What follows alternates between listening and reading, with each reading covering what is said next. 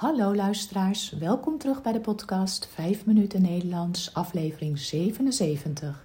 Het is vandaag woensdag 2 maart 2022. Als je de tekst van de podcast wilt lezen, kijk dan op de website petje.af slash 5 minuten Nederlands. Als je de teksten van eerdere podcast wilt ontvangen of vragen hebt, stuur dan een e-mail naar 5minutennl.gmail.com. Mijn naam is Carolien, ik ben taaldocent op de universiteit en woon in Leiden. In deze podcasts vertel ik iets over mijn leven, over wat ik de afgelopen dagen heb beleefd of iets over de Nederlandse taal en cultuur. Aflevering 77. Solliciteren, deel 2. Het lijkt wel lente vandaag. Een strak blauwe lucht, zonneschijn en ik hoor de vogeltjes fluiten. Ik had jullie beloofd iets over het sollicitatiegesprek te vertellen, dus dat gaan we dan ook doen. Als je een goede sollicitatiebrief hebt geschreven, is het wachten op een uitnodiging voor een sollicitatiegesprek. Op dit moment is de arbeidsmarkt gunstig voor werkzoekenden, maar op andere tijden kan het moeilijk zijn om een baan te vinden en moet je dus ook niet verbaasd zijn als je niet wordt uitgenodigd. Ik heb wel eens 140 brieven ontvangen voor één vacature. Dus dan moet je helaas heel veel mensen teleurstellen. Geef dan de moed niet op en solliciteer gewoon verder. Als je wordt uitgenodigd bij een bedrijf, zorg dan dat je op tijd aanwezig bent voor het gesprek. Het wordt niet op prijs gesteld als je te laat komt. Mocht je in de file komen of de treinvertraging hebben, Probeer dan het bedrijf te bellen of een berichtje te sturen waarin je aangeeft dat je door omstandigheden helaas wat later bent.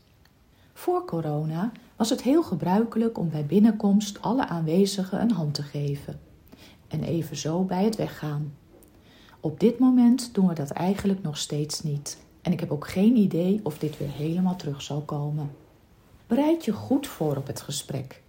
Bekijk de website van het bedrijf en als je via via misschien iemand kent die er al werkt, is het altijd handig even contact op te nemen met deze persoon om te vragen hoe hij of zij het daar vindt. Een aantal vragen komt altijd terug in een sollicitatiegesprek, zoals: Waarom wil je bij ons bedrijf of op deze afdeling werken? Zorg dat je hier een goed antwoord op weet. En het bedrijf zal ook willen weten waarom ze jou moeten kiezen voor deze baan. Dan kun je dus heel goed iets vertellen over je opleiding of je ervaring. Maar ze willen ook weten wat voor persoon je bent en zullen dus vragen wat jouw goede en minder goede eigenschappen zijn. Denk hier van tevoren goed over na, zodat je niet ter plekke een antwoord moet verzinnen. Aan het einde van het gesprek wordt bijna altijd gezegd: Heb je nog vragen? Het is altijd goed om een paar vragen achter de hand te hebben. Want een kandidaat die zegt: Hmm, nee, eigenlijk niet. Komt niet zo geïnteresseerd over. Tenzij echt alle dingen al zijn besproken in het gesprek. Goede vragen die je kunt stellen zijn bijvoorbeeld: hoe is de sfeer op de afdeling of in het team?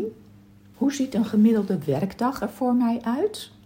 En hoe gaat de sollicitatieprocedure verder? Wanneer kan ik een reactie verwachten? De hoogte van het salaris komt meestal niet in het eerste gesprek aan de orde.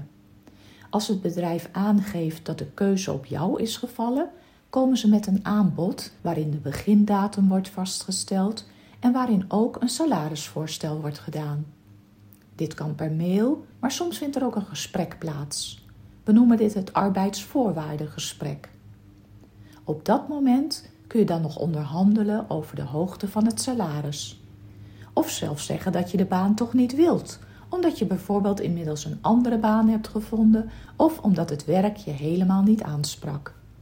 Als jullie het dan eens geworden zijn, wordt er een arbeidscontract opgemaakt. Misschien overbodig te zeggen, maar lees dit altijd goed door voordat je het ondertekent. En dan kun je starten in je nieuwe job. Dit was het weer voor vandaag. Veel dank voor het luisteren. Ik wens jullie een hele fijne week met hopelijk veel zonneschijn en tot de volgende keer. Dag!